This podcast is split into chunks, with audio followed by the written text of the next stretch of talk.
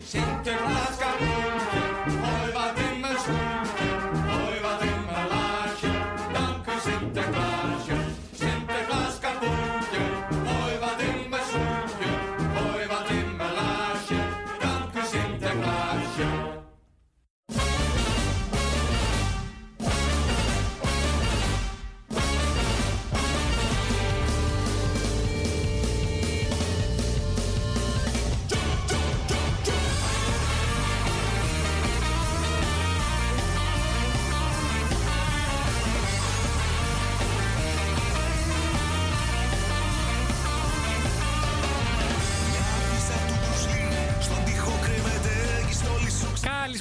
από το Άμστερνταμ και χρόνια πολλά στους Νικολάδες, τις Νίκες και τις Νικολέτες. Εμείς ακόμα μία Πέμπτη εδώ πιστοί στο ραντεβού μας.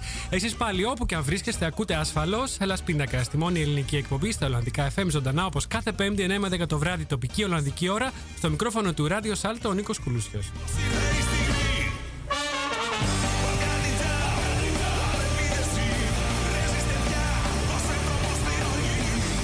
Εκπέμπουμε ζωντανά από το δημοτικό σταθμό του Άμστερνταμ. Υπάρχουν αρκετοί τρόποι για να μας ακούσετε live. Αν αγαπάτε το συμβατικό ραδιόφωνο, αυτό με την κεραία, και βρίσκεστε στο Άμστερνταμ, συντονιστείτε στο ράδιο Σάλτο. Στους 106,8 των FM. Καλωδιακά μας ακούτε από το κανάλι για τον 3,3 πάλι και μόνο στην περιοχή του Άμστερνταμ, ενώ διαδικτυακά μας ακούτε παντού στον κόσμο από το ελάσπιντακάς.com, το site μας, με ένα κλικ στο κουμπί Listen Now.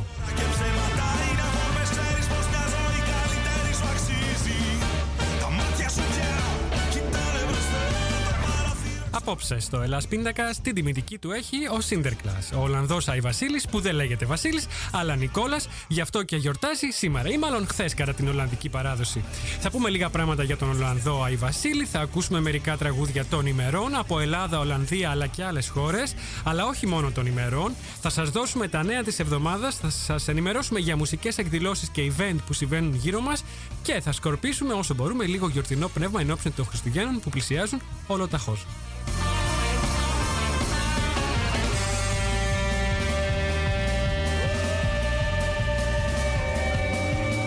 Μείνετε συντονισμένοι στο Hellas Pindakaas. Μας ακούτε κάθε Πέμπτη στις 9 το βράδυ από το ράδιο Salto. Θα μας βρείτε και στο site μας hellaspindakas.com αλλά και στα κοινωνικά δίκτυα στη σελίδα μας σε Facebook, Twitter και Instagram.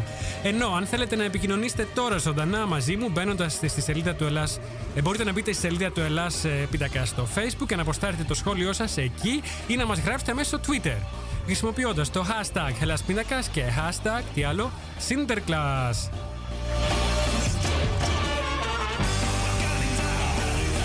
Αυτό είναι το κομμάτι, λέγεται Balkan Ninja, ανήκει στους Μπαίλτισα, δίνει μουσικά την έναρξη της εκπομπής κάθε πέμπτη και ευχαριστώ την μπάντα που μου το παραχώρησε για το Ελλάς Πίντακας.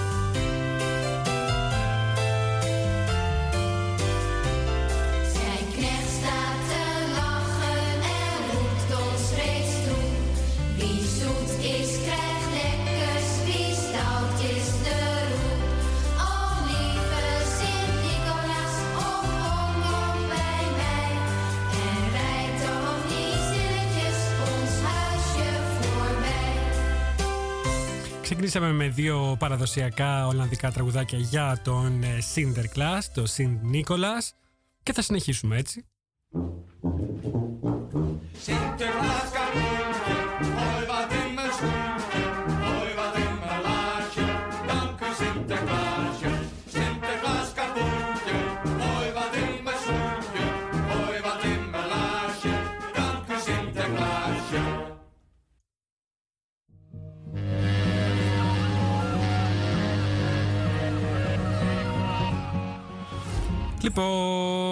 Λοιπόν, θα ξεκινήσω από τον Καναδά. I'm gonna start with Canada as always. Hi from Amsterdam and Merry Christmas to all our friends over at agapigreekradio.com. Καλά Χριστούγεννα. Και hi to all our Facebook friends too from all over the world. Hi to Alba and Lumir. Χαιρετίσματα και πολλές γιορτινές ευχές στη Γιώτα Μπαρόν, στη Μαριάννα Φωτιάδου, στο Στέφανο Πολίζο, στον Ιω- Ιωάννη Παπαδόπουλο, στη Δέσποινα Χριστοδούλου, στο Σπύρο Γκόγκα, στην ανιψιά μου τη Μαριάννα που μας ακούει από το Βελιγράδι, ένα γλυκό φυλάκι και από μένα, στη Vivian Χιονά, την ψυχολόγο μας από το Expat Nest, στον Αντώνη και τους Super Greek, στην Τέτη και τον Γιώργο, στον Παναγιώτη, στον Πασχάλη που μας ακούει από Θεσσαλονίκη και φυσικά στον εκτίμητό μου συνεργάτη, τον Art Director Νίκο Δουλό. is gekomen, pepernoten in je schoentje, zouden groenten, zit voorkomen, zwarte pieten, 5 december, pakjesavond, veel cadeautjes, dank u Sinterklaasje, eerlijk zullen we alles delen.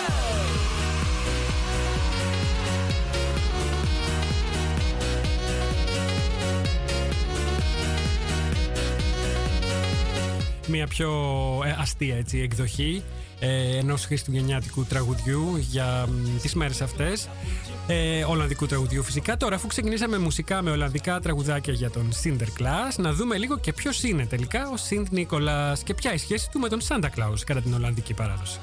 Pepernoten, Amerigo, het dakkel, Diewertje Blok, Tai Tai Pop, Hoofd, Piet, Marsepein, chocolade, bisschop, pak papier, zak strooigoed, Piet die heeft een muts op, hop, hop, hop, galop, zie de baas door de bomen, heerlijk avondjes gekomen, pepernoten in je schoentje, zouden groenten, zit voorkomen, zwarte pieten, 5 december,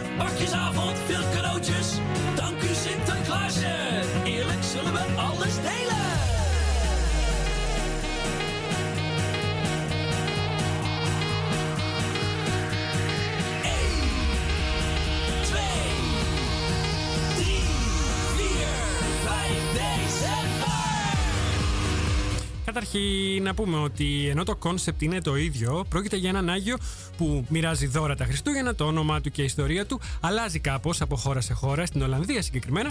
Ο Σιντ Νίκολας είναι η κεντρική φιγούρα των Χριστουγέννων, αλλά γιορτάζει βασικά την παραμονή του Αγίου Νικολάου, χθες δηλαδή 5 του Δεκέμβρη.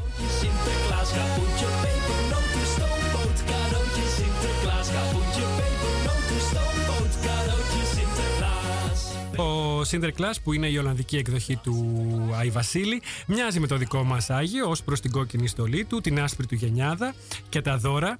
Σε αντίθεση όμως με τον Άι Βασίλη, ο Sinterklaas καταφτάνει κάθε χρόνο στα τέλη του Νοεμβρίου με ατμόπλιο από την Ισπανία.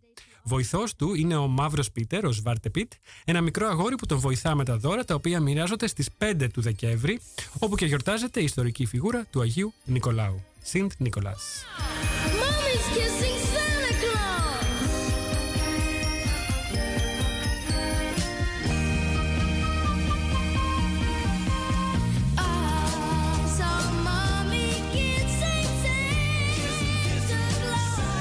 1998 Jackson's 5.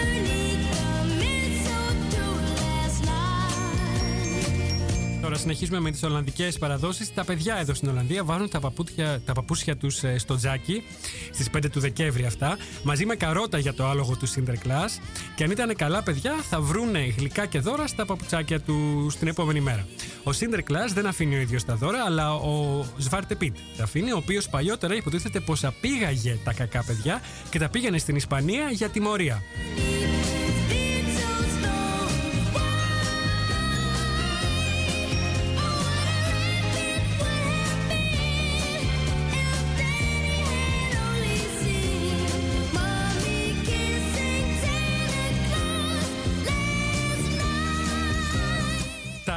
Χριστούγεννα τώρα, στις 25 δηλαδή του Δεκέμβρη, οι Ολλανδοί γιορτάζουν έναν παρεμφερή, αλλά όχι πανομοιότυπο Άγιο, τον Santa Claus, που είναι η πιο διεθνοποιημένη εκδοχή του Άι Βασίλη.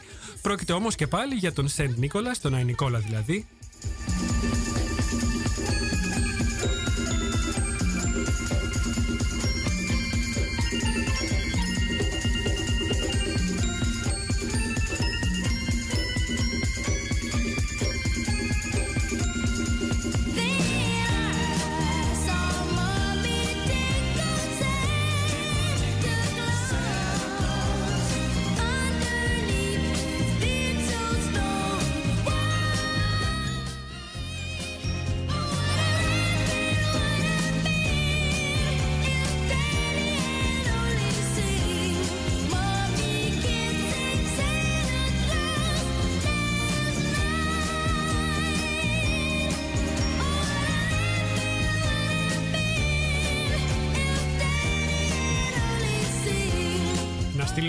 χαιρετισμάτα και στην Σοφία Ποριαλίδου Γιώχανσον αλλά και στον Κένεθ Νταμ Σιγκ.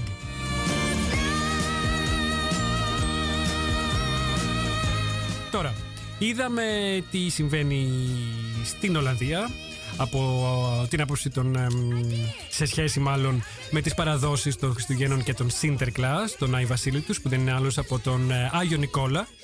Τώρα, τι ισχύει όμως σε άλλες χώρες ως προς τον Άγιο των Χριστουγέννων που φέρνει τα δώρα στα παιδιά. Για να δούμε να τις πάρουμε έτσι σχεδόν μία-μία ή σε ομάδες, σε γκρουφπάκια.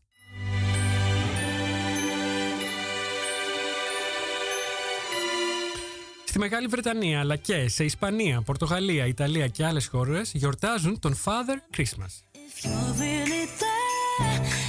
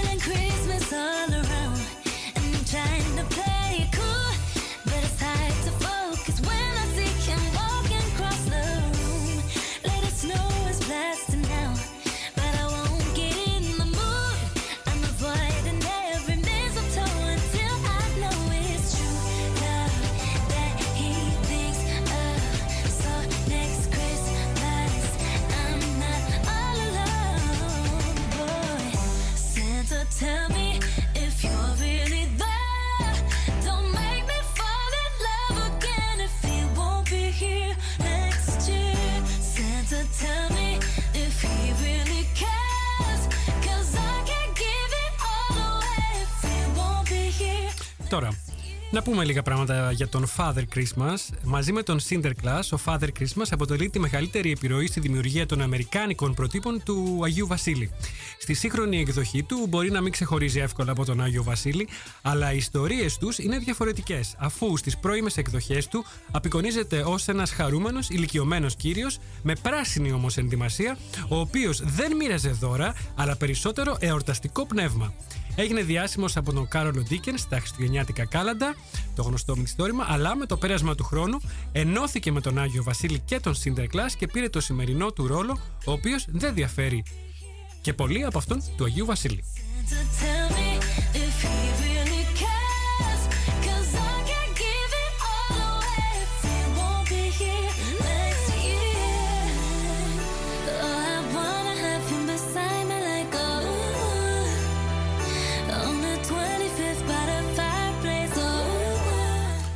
Μόνο ο Άι Βασίλης όμως και ο Sinterklaas φέρνουν ε, δώρα. Υπάρχουν ε, άλλες παραδόσεις ως προς το ποιος φέρνει τα δώρα στα παιδιά. Για να δούμε τι γίνεται στην Ισλανδία. Υπάρχουν οι Yule Lads. Είναι μια ομάδα 13 σκανταλιάρικων πλασμάτων που έχουν πάρει τη θέση του Αγίου Βασίλη στην Ισλανδία. Το κάθε ένα από τα 13 σκανταλιάρικα πλάσματα αυτά, τους Yule Lads, το κάθε ένα κάνει τα δικά του κόλπα. Για παράδειγμα, μπορεί να κλέβουν το κρέας ή να κατασκοπεύουν από το παράθυρο για να βρουν τι να κλέψουν το βράδυ. Εκτός όμως από τις σκανταλιές, τα πλάσματα αυτά φέρνουν δώρα στα καλά παιδιά, τα οποία μοιράζουν μαζί με την Yuletide Cat, ένα πεινασμένο τέρας που λέγεται ότι τρώει τα κακά μόνο παιδιά. Τα δώρα τα αφήνουν στα παπούτσια τους 13 μέρες πριν την παραμονή των Χριστουγέννων, ενώ στα κακά παιδιά αφήνουν δώρο μία πατάτα. Μοιάζουν λίγο με τα δικά μας τα καρκατζάλια, τους ε, καρκάτζαλους, τους καλικάτζαρους δηλαδή.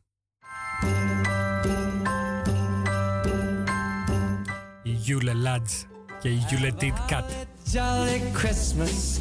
It's από την Ισλανδία. Τώρα, επόμενη χριστουγεννιάτικη φιγούρα, το Christkind. Φιγούρα που γιορτάζεται σε μέρη της Γερμανίας, της Αυστρίας, της Ιταλίας και της Βραζιλίας. a jolly Christmas. And when you walk down the street, say hello to friends you know and everyone you meet. Ουσιαστικά, Christkind είναι το θείο βρέφος, το οποίο θεωρείται ότι μοιράζει τα δώρα στα παιδιά σε διάφορα έτσι, μέρη του κόσμου, εκεί όπου ο χριστιανισμός αποτελεί την κύρια θρησκεία. Έγινε δημοφιλής στα 1500 περίπου από τον Μαρτίνο Λούθυρο, ο οποίος ήλπιζε ότι μια πιο θρησκευτική φιγούρα θα έκανε καλό. Το θείο βρέφος δεν το βλέπει ποτέ κανείς να μοιράζει δώρα, ενώ στα παιδιά λένε ότι εξαφανίστηκε λίγο πριν έρθουν. Όπως σωστά θα φαντάζεστε, η περιγραφή του απεικονίζει ένα μωρό με ξανθά μαλλιά και φτερά αγγέλου. Τώρα, πάμε στην Ιταλία και στη μάγισσα La Befana. Η Befana είναι μία μάγισσα που αποτελεί σημαντικό κομμάτι των γιορτών στην Ιταλία. Είναι παρόμοια σε στυλ με τον Άγιο Βασίλη, αλλά διαφορετική στην εμφάνιση φυσικά. Σύμφωνα με τους μύθους, πρόκειται για μία ευγενική γυναίκα που έδινε τροφή και στέγη στους τρεις σοφούς που πήγαιναν να επισκεφτούν τον Ιησού στη Φάτνη. Και απεικονίζεται ως μία κλασική μάγισσα πάνω σε σκουπόξυλο που κουβαλάει μία τσάντα με δώρα.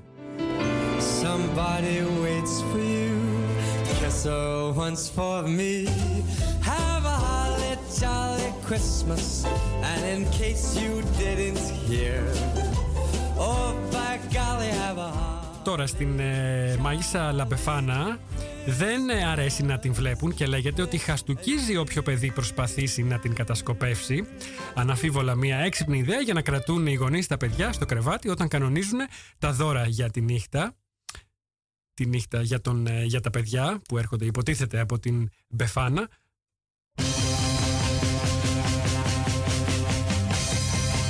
Τώρα, όπως και ο Άγιος Βασίλης, η Πεφάνα κατεβαίνει από την καμινάδα για να μοιράσει τα δώρα και αφήνει λίγο κάρβουνο ή στάχτη για τα άτακτα παιδιά. Ενώ λέγεται πως ρίχνει και ένα σκούπισμα στο σπίτι γύρω από το τζάκι πριν φύγει. Telling you why.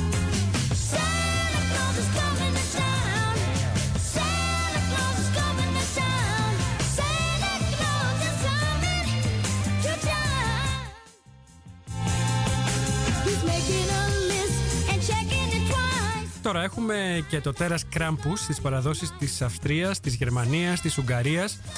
Ε, τι είναι τώρα αυτό το τέρας Κράμπους. Στις αλπικές χώρες, ο Άγιος Βασίλης είναι σχεδόν ο ίδιος χαρούμενος ηλικιωμένος κύριος που μοιράζει δώρα, με μία διαφορά όμως. Τον συνοδεύει ένα τρομακτικό και αιμοβόρο τέρας. Μοιάζει λίγο με την ιστορία της Ισλανδίας και το άλλο τέρας, την Yuletide Cat, που βοηθά τους εμ, ε, Yule Lads. Τέλος πάντων, λοιπόν, το τρομακτικό και αιμοφόρο, αιμοβόρο αυτό τέρας που ονομάζεται Κράμπους τιμωρεί τα κακά παιδιά με μεσαιωνικές τιμωρίες. Ο θρύλος του τέρατος πάει πίσω εκατοντάδες χρόνια, ενώ σήμερα αποτελεί σημαντικό χαρακτήρα σε κάποια μέρη της Βαβαρίας και στην Αυστρία, αφού υπάρχει μάλιστα και η μέρα Κράμπους. Μέρα αφιερωμένη στο τέρας Κράμπους, στις 5 του Δεκέμβρη φυσικά, όπου όλοι ντύνονται σαν το τέρας. Όπως καταλαβαίνετε, τα δώρα δεν ταιριάζουν στο στυλ του Κράμπους, ο οποίος είτε τιμωρεί είτε απαγάγει τα παιδιά που δεν άκουγαν τους γονείς τους όλη τη χρονιά.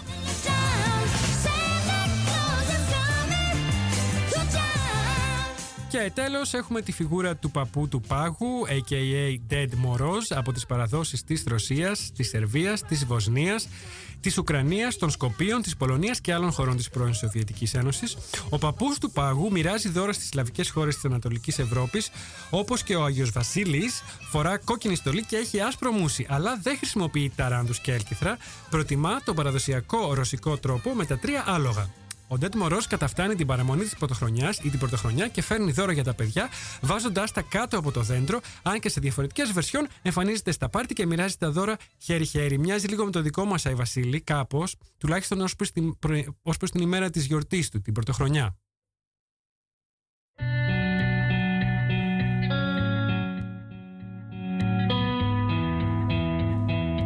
Θα κάνουμε τώρα ένα μικρό διάλειμμα από τα χριστουγεννιάτικα τραγούδια και το χριστουγεννιάτικο πνεύμα. Θα ακούσουμε τρία, ε, τέσσερα κομμάτια που κάνουν επιτυχία παγκοσμίως και μας αρέσουν πολύ. Τα ακούμε συνέχεια ε, στα σπίτια μας, αλλά δεν τα έχουμε παίξει ποτέ εδώ στην εκπομπή.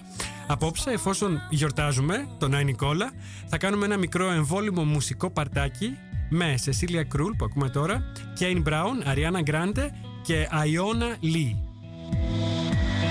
και να ευχαριστήσω με την ευκαιρία αυτή όλους τους φίλους που μου ευχήθηκαν για τη γιορτή μου μέσω facebook και μέσω όλων των άλλων τρόπων και μεθόδων που υπάρχουν.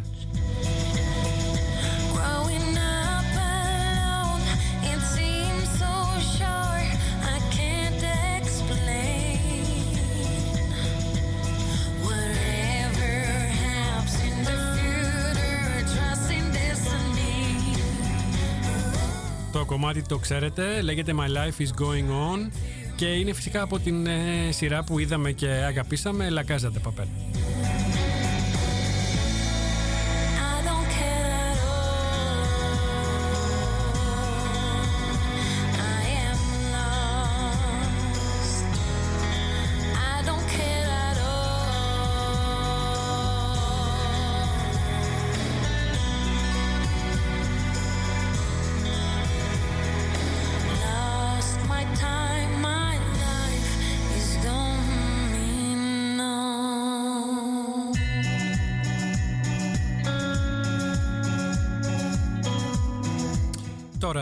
Σήμερα είναι και η μαύρη επέτειος από τη δολοφονία του Αλέξανδρου Γρηγορόπουλου, την εμψυχρό δολοφονία του Αλέξανδρου από τον αστυνομικό Επαμινόνδα Κορκονέα. Είναι πολλά τα θέματα που ανακύπτουν από τη δολοφονία αυτή.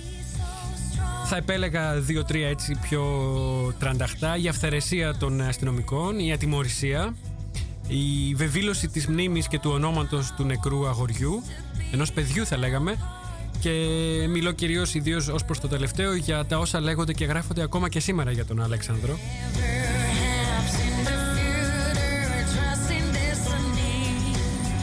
Διαβάζοντας ας πούμε τα σχόλια ορισμένων ε, ανεγκέφαλων θα έλεγα στα social media καταλαβαίνω ότι ένα είναι το συμπέρασμα. Πάντα φταίει ο νεκρός.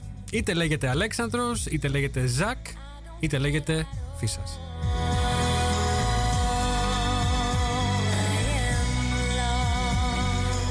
Και όλα αυτά τα θέματα της αυθαιρεσίας, της ατιμορρησίας και της βεβήλωσης της μνήμης και του ονόματος ενός νεκρού διχάζουν ακόμα την ελληνική κοινωνία, τη διχάζουν, την κόβουν στα δύο, δυστυχώς θα έλεγα εγώ, γιατί και τα τρία αυτά, όλα και τα τρία αυτά τα συγκεκριμένα ε, ζητήματα της αυθαιρεσίας, της ατιμορρησίας και της βεβήλωσης της μνήμης ενός νεκρού ε, θεωρούνται αυτονόητα ως προς, το, ως προς το ότι δεν πρέπει να ε, συμβαίνουν και να γίνονται αυτονόητα σε μια ευνομούμενη και πολιτισμένη κοινωνία όπως θέλουμε να πιστεύουμε ότι είναι η ελληνική.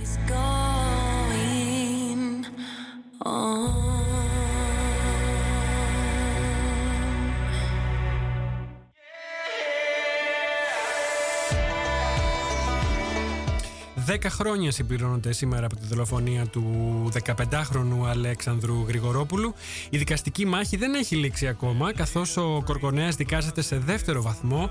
Η επόμενη συνεδρίαση του δικαστηρίου στο μεικτό ορκωτό εφετείο της Λαμίας έχει οριστεί για τις 10 του Δεκέμβρη. Τώρα δηλαδή, μέσα στο μήνα αυτό, ο 47χρονος σήμερα επαμεινώντας Κορκονέας έχει τα- καταδικαστεί σε ισόβια κάθυρξη και παραμένει κρατούμενος των φυλακών Δομοκού. Είναι όμως και αμετανόητος ο Κορκονέας. Να σας θυμίσω ότι πέρυσι ο Αλέξης Κούγιας εγκατέλειψε την υπεράσπιση Κορκονέα όταν ε, ο Κορκονέας τον Φεβρουάριο του 17 αρνήθηκε να ζητήσει συγγνώμη λέγοντας ότι έτσι ένιωσε μετά την οκτάχρονη ταλαιπωρία που έχει υποστεί. Τον ταλαιπωρήσαμε κιόλας τον άνθρωπο.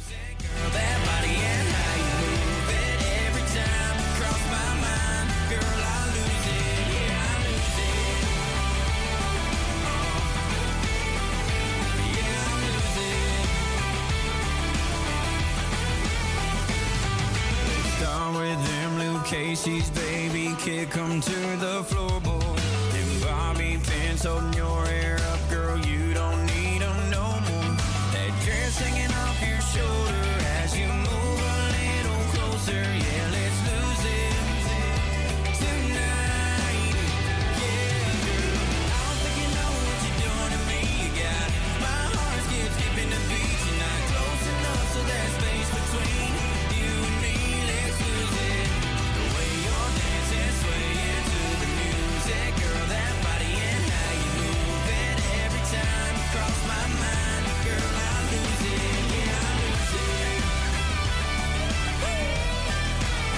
Αυτός είναι ο Kane Brown, το κομμάτι λέγεται Lose It. Να σας υπενθυμίσω ότι το συμμαχικό διαδικτυακό ραδιόφωνο από το Τορόντο του Καναδά, το Αγάπη Greek Radio, αναμεταδίδει το Ελλάς Πιντακά στην εκπομπή μας μέσω διαδικτύου σε όλο τον πλανήτη για όσους είστε στην Ολλανδία ή σε κάποια χώρα με την ίδια ώρα με την Ολλανδία. Μας ακούτε από το agapigreekradio.com σε ηχογραφημένη αναμετάδοση, σε κονσέρβα δηλαδή, κάθε μέρα στις 12 το μεσημέρι και στις 9 το βράδυ.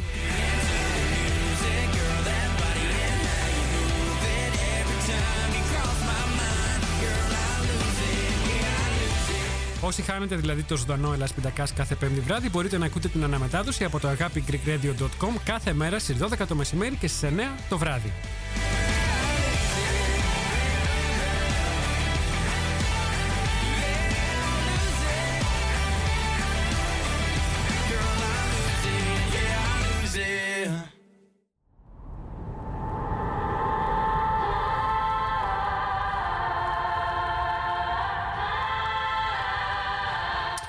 Βέβαια, on demand που λέμε, όλες τις παλαιότερες ε, εκπομπές μας μπορείτε να τις ακούτε και μέσα από το site μας, elaspinacas.com, μέσα από την ενότητα εκπομπές ή απλά μέσα από το κανάλι μας στο SoundCloud.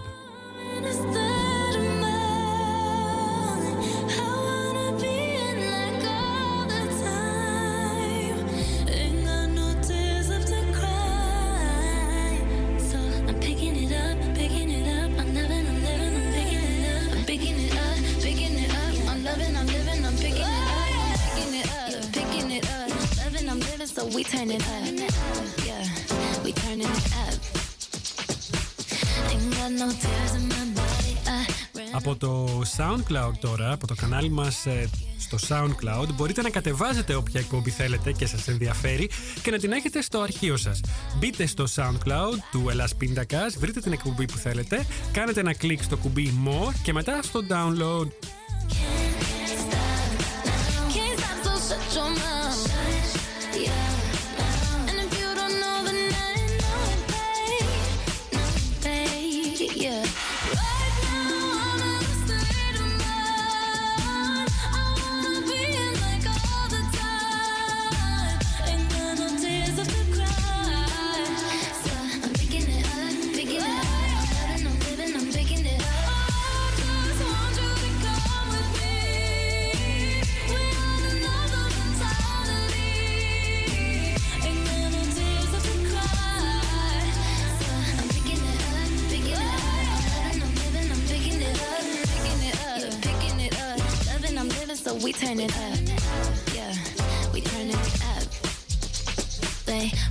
the colors in you. I see them too, and boy, I like them.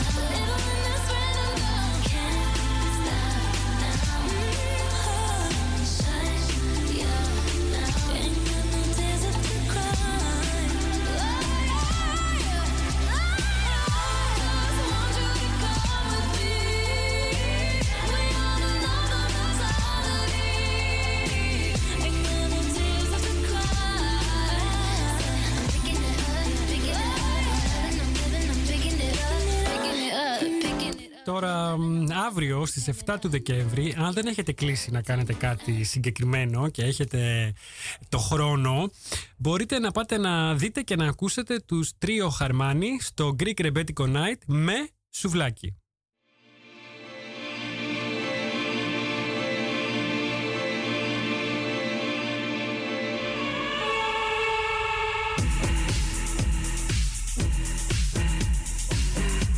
Αφήσαμε πίσω μας πριν την Ariana Grande που ακούσαμε για δεύτερη φορά σήμερα. Ε, το προηγούμενο ήταν το No Tears Left to Cry και τώρα ακούμε Iona Lee Not Human.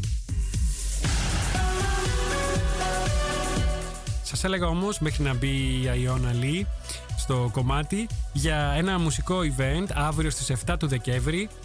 Είναι το τρίο Χαρμάνι σε ένα Greek Rebetiko Night, βραδιά ελληνικού ρεμπέτικου, with σουβλάκι. Με σουβλάκι. Greek Rebetiko Night with σουβλάκι. Πού? Στο Mix 3 Schiploudenlaan 12 στο Άμστερνταμ. And out of bliss, I closely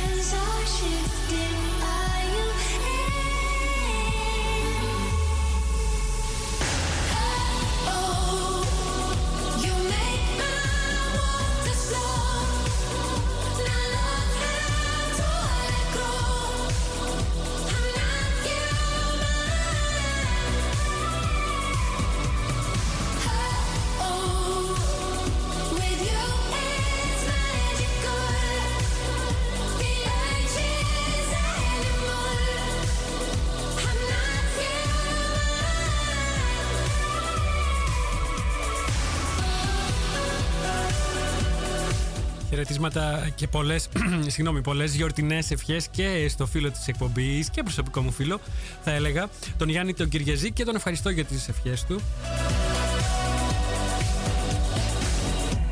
I felt you. Σήμερα ήταν και το Ignite Workshop στο Rotterdam του Reload Greece και φαντάζομαι ότι ο Γιάννης ε, μου γράφει από εκεί, αν δεν έχει ήδη επιστρέψει από το Rotterdam.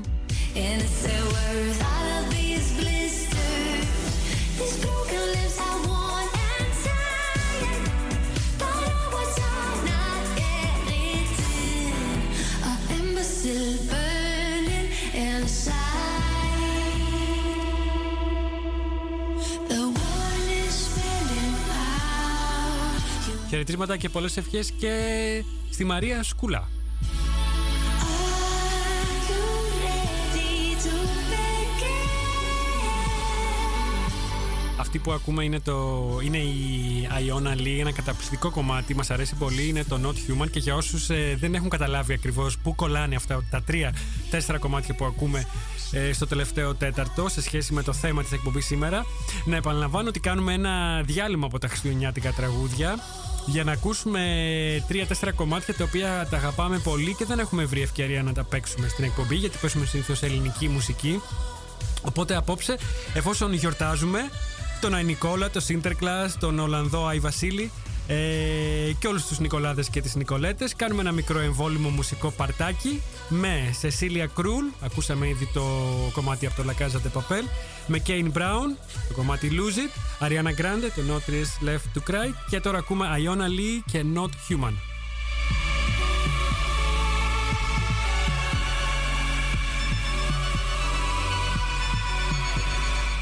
Και να επαναλάβω για το μουσικό event αύριο το... την μίνι συναυλία θα λέγαμε ρεμπέτικη βραδιά Τρίο Χαρμάνι Greek Rebetiko Night with Σουβλάκι. Η Τρίο Χαρμάνι σε μια ελληνική ε, σε μια βραδιά ελληνικού ρεμπέτικου, βραδιά ρεμπέτικου, με σουβλάκι παρακαλώ πολύ, που στο Mix 3 Skip Loud and Lan 12 εδώ στο Άμστερνταμ. Ποιοι είναι όμως οι Τρίο Χαρμάνι;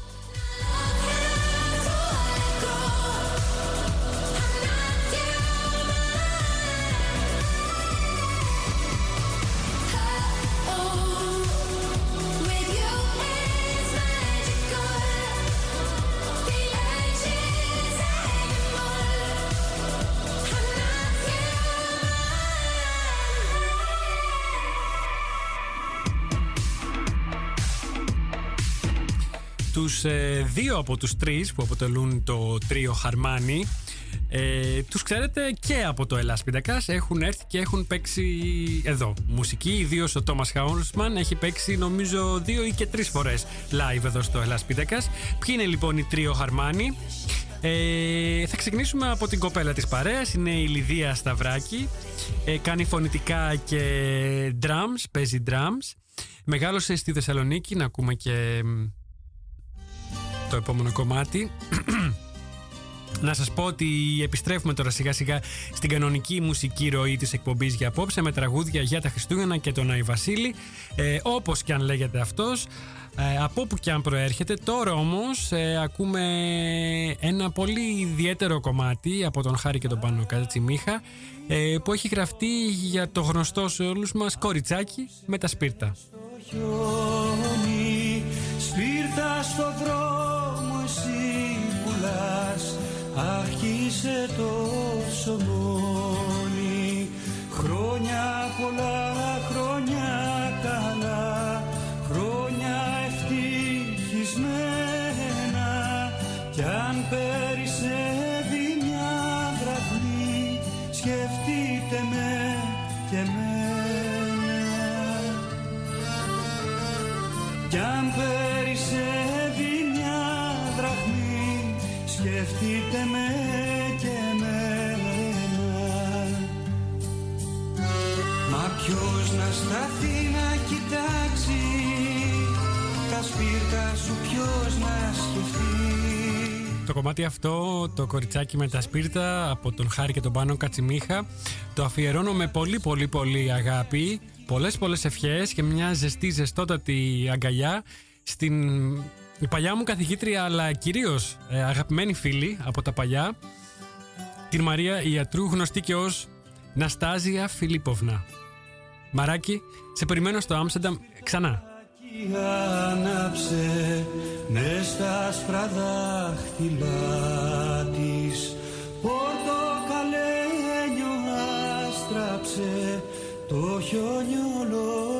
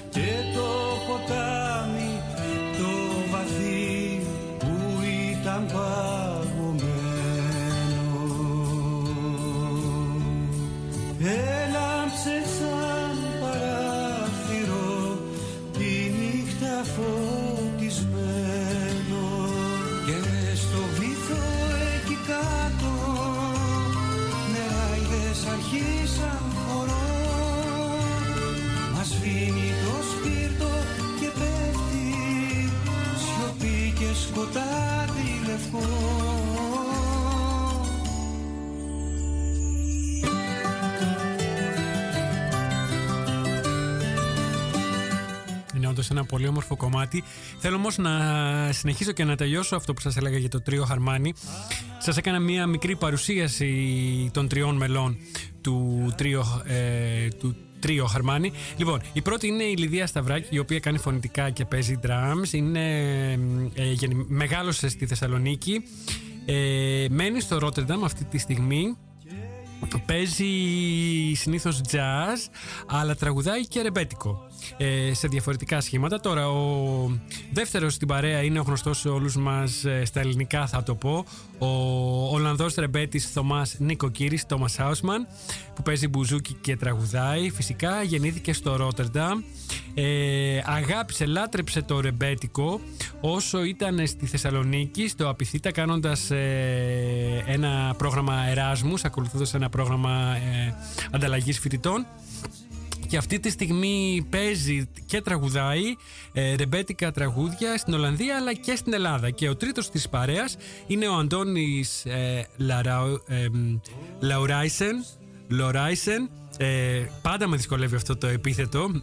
Έχει πάρα πολλά φωνήεντα ε, στη σειρά. Λοιπόν, ο οποίος ο Αντώνης είναι δύο τα αδέρφια ε, Λαουράισεν. Ε, ο Αντώνης τώρα θα βρίσκεται με το τρίο Χαρμάνι. Ο Αντώνης παίζει κιθάρα και τραγουδάει. Ε, έρχεται φυσικά από την Κρήτη. Τους είχαμε εδώ τους ε, Μάλευράσε, ε, μας τα είπανε και οι ίδιοι.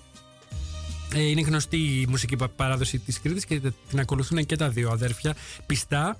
Ε, παίζει ρεμπέτικα από πολύ μικρή ηλικία ο Αντώνης και είναι φυσικά ένα ιδρυτικό μέλος των ε, Μάλευράσε μαζί με τον ε, αδερφό του, τον τρίτο της παρέας αυτή τη στιγμή δεν το θυμάμαι να με συγχωρέσει. Πάμε να ακούσουμε Χριστούγεννα από τον Φίβο Δελιβοριά.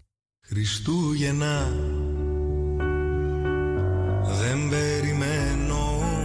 τίποτα πια. Τον Άι Βασίλη απλώς τον λέγαν μπαμπά. Κι είναι ένας πρώην Έλλην αριστερός Ένας θνητός Με το όνειρό του δίχως στέγη καμιά. Και το ανοιξιάτικο κορίτσι μαμά. Πλακώνεται απ' τη συνταγή την παλιά. Οι μυρωδιές θυμίζουν κάτι βαρύ Κάποια πληγή που απλώς δεν θέλουμε να ανοίξει ξανά. Χριστούγεννα Τα Playmobil μου είναι εξαιτίας μου κουτσά. Σβησμένα στη σαμπάνια βεγγαλικά Ίσως για κάποιους να είναι ακόμα γιορτή Μα ποιοι είναι αυτοί; Ζουν σε θερμοκοιτίδες ή σε χωριά. Χριστούγεννα Κι ό,τι αρχίζω μου πηγαίνει στραβά. Πάντα με πάει σε ενός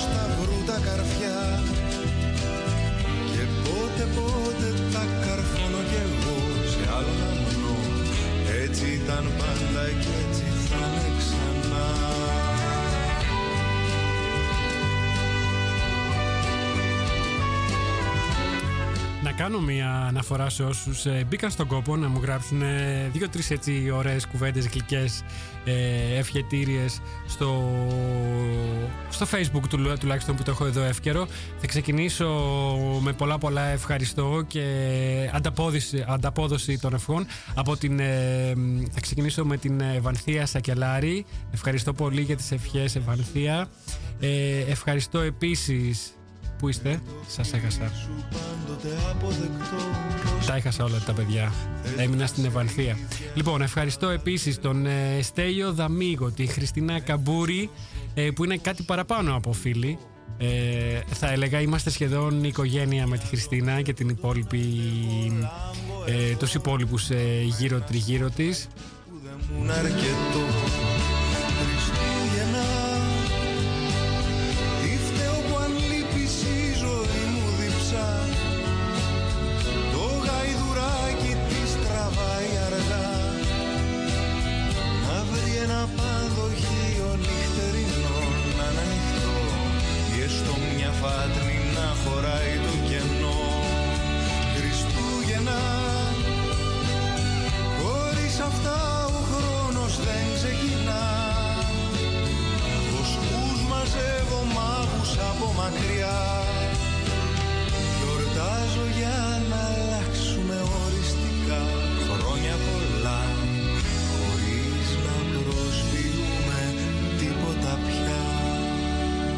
Να ευχαριστήσω επίσης για τις ευχές του τον ε, φίλο, θα έλεγα, τολμώ να πω, τον Μανώλη τον Μαυρομάτη, ε, που είναι καθηγητής στη Χάγη και τον ευχαριστώ για όλα όσα έχει κάνει, για τις ευκαιρίες που μου έχει δώσει ε, μ, το τελευταίο διάστημα ιδιαίτερα. Βρέθηκε στη Θεσσαλονίκη με τους φοιτητές του, ο Μανώλης, και τους έχω καλέσει ήδη στην εκπομπή να έρθουν κάποιοι από τις επόμενες πέμπτες να μας πούνε πώς ήταν οι εμπειρίες τους ε, με την ομάδα των Ολλανδών φοιτητών στη Θεσσαλονίκη.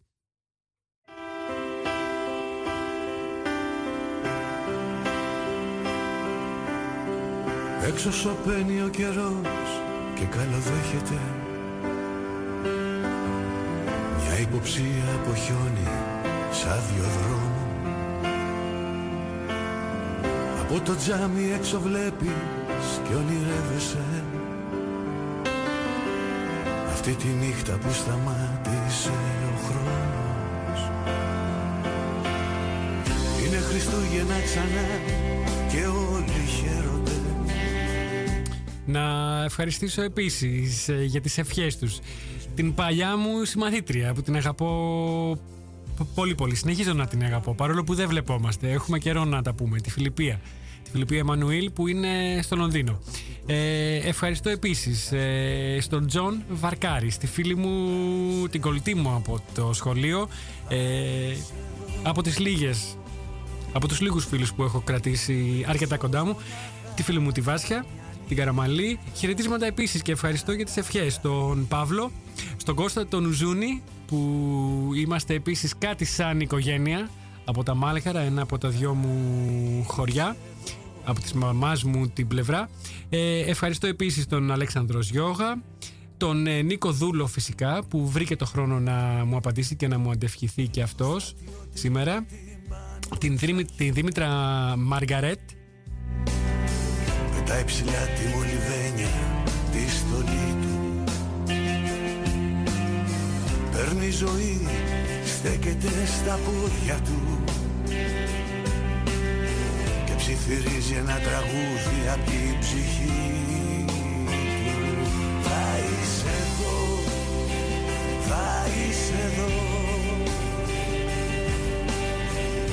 Ίσως μονάχα για μια νύχτα Τώρα τι να πω για την επόμενη ε, κυρία θα έλεγα αγαπημένη μαμά ε, του φίλου μου του παλιού μου συμμαθητή ε, από το δημοτικό μάλιστα από την ε, γειτονιά της Μπότσαρη του μ, ε, Σωτήρη του Δρόσου. Μιλάω για την Τάνια τη Δρόσου. Ευχαριστώ ε, μαμά Τάνια για τις ευχές.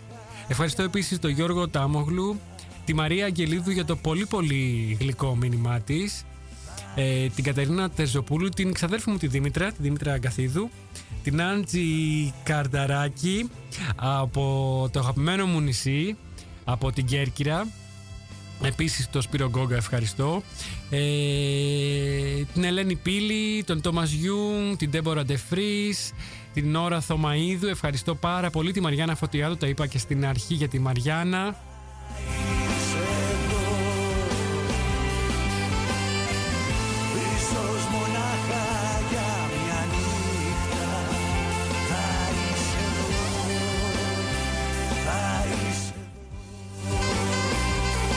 Λοιπόν, να το πω για ακόμη μια φορά. Ε, ρεμπέτικη βραδιά. Τρίο Χαρμάνι, Greek Rebetiko Night with σουβλάκι. Ε, Mix 3, Skip Loud and Lan 12 στο Άμστερνταμ. Ε, το εισιτήριο είναι μόνο 4 ευρώ, cash only at the door. Δεν έχει δηλαδή προπόληση.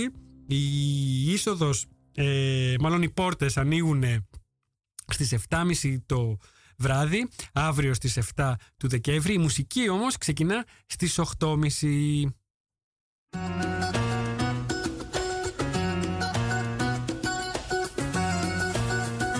Και κάτι ακόμα, το Σάββατο 15 Δεκέμβρη στο καφέ Ντουέντε στο Άμστερνταμ Flamengo Singing Classes. Μαθήματα τραγουδιού φλαμέγκο από τη φίλη της εκπομπής την Γιώτα Μπαρόν. Συνεχίζονται τα μαθήματα και εμείς στηρίζουμε όπως μπορούμε τους φίλους της εκπομπής και ιδιαίτερα όσους είναι τόσο δραστήριοι όσο η Γιώτα Μπαρόν.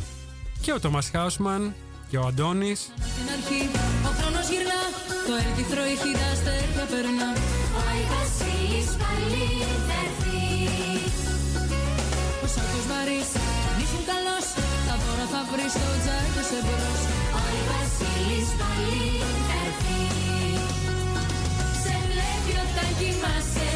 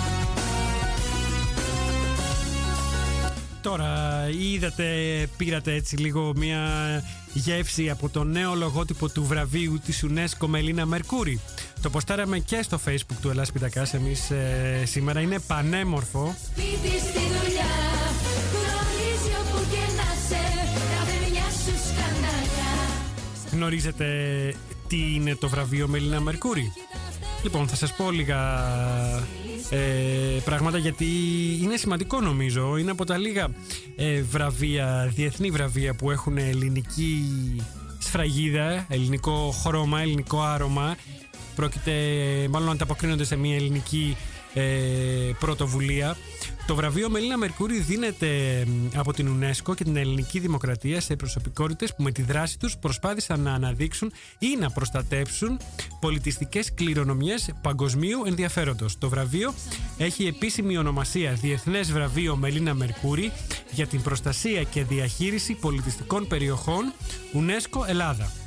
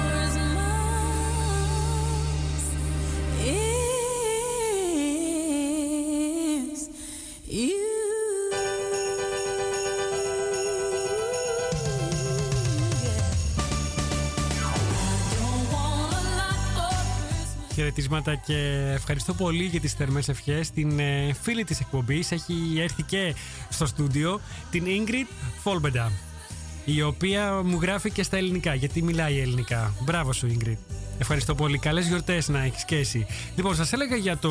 μ, Το βραβείο, το Διεθνές Βραβείο Μελίνα Μερκούρη για την προστασία και διαχείριση πολιτιστικών περιοχών ε, UNESCO Ελλάδα. Αυτό το βραβείο συμπεριλαμβάνει ένα, ένα δίπλωμα και ένα σύνολο χρημάτων, το ποσό του οποίου θα καθορίζεται ξεχωριστά σε κάθε διετία ανάλογα με τα διαθέσιμα ποσά. Ο σκοπός του Διεθνούς Βραβείου Μελίνα Μερκούρη είναι η απονομή του για ενέργειες ανθρώπων που αποσκοπούν στη διάσωση και ανάδειξη χώρων πολιτισμού που έχουν διεθνές ενδιαφέρον.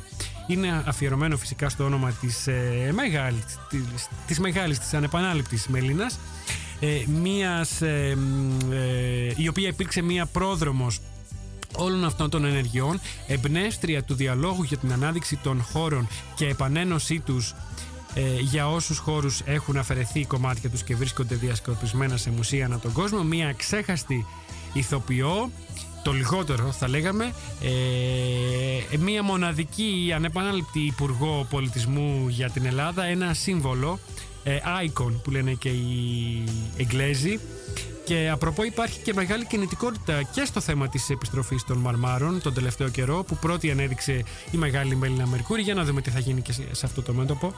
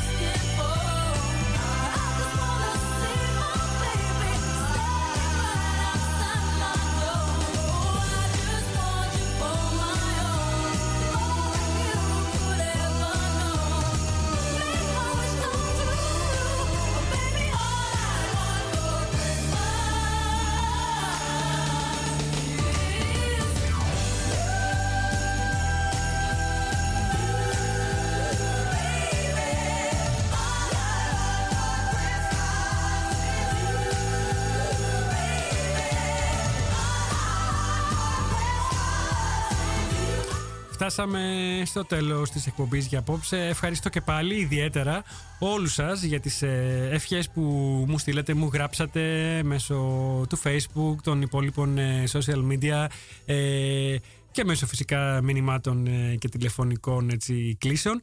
Καλά Χριστούγεννα να έχουμε. Καλές γιορτές σε όλους, ε, όπως και να τις γιορτάζετε. Ε, να ευχηθώ καλές γιορτές, χωρίς μίση, χωρίς πάθη, ε, τα, για τα κακά πάθη μιλάω, χωρίς πολέμους όσο γίνεται, χωρίς μυσαλλοδοξίες όσο γίνεται, χωρίς χρυσές αυγές, χωρίς καθόλου χρυσές αυγές, όχι όσο γίνεται, χωρίς καθόλου χρυσές αυγές, ούτε μία, σε καμία χώρα, χωρίς ρατσισμό και χωρίς αλληλοσπαραγμό. Μεγάλη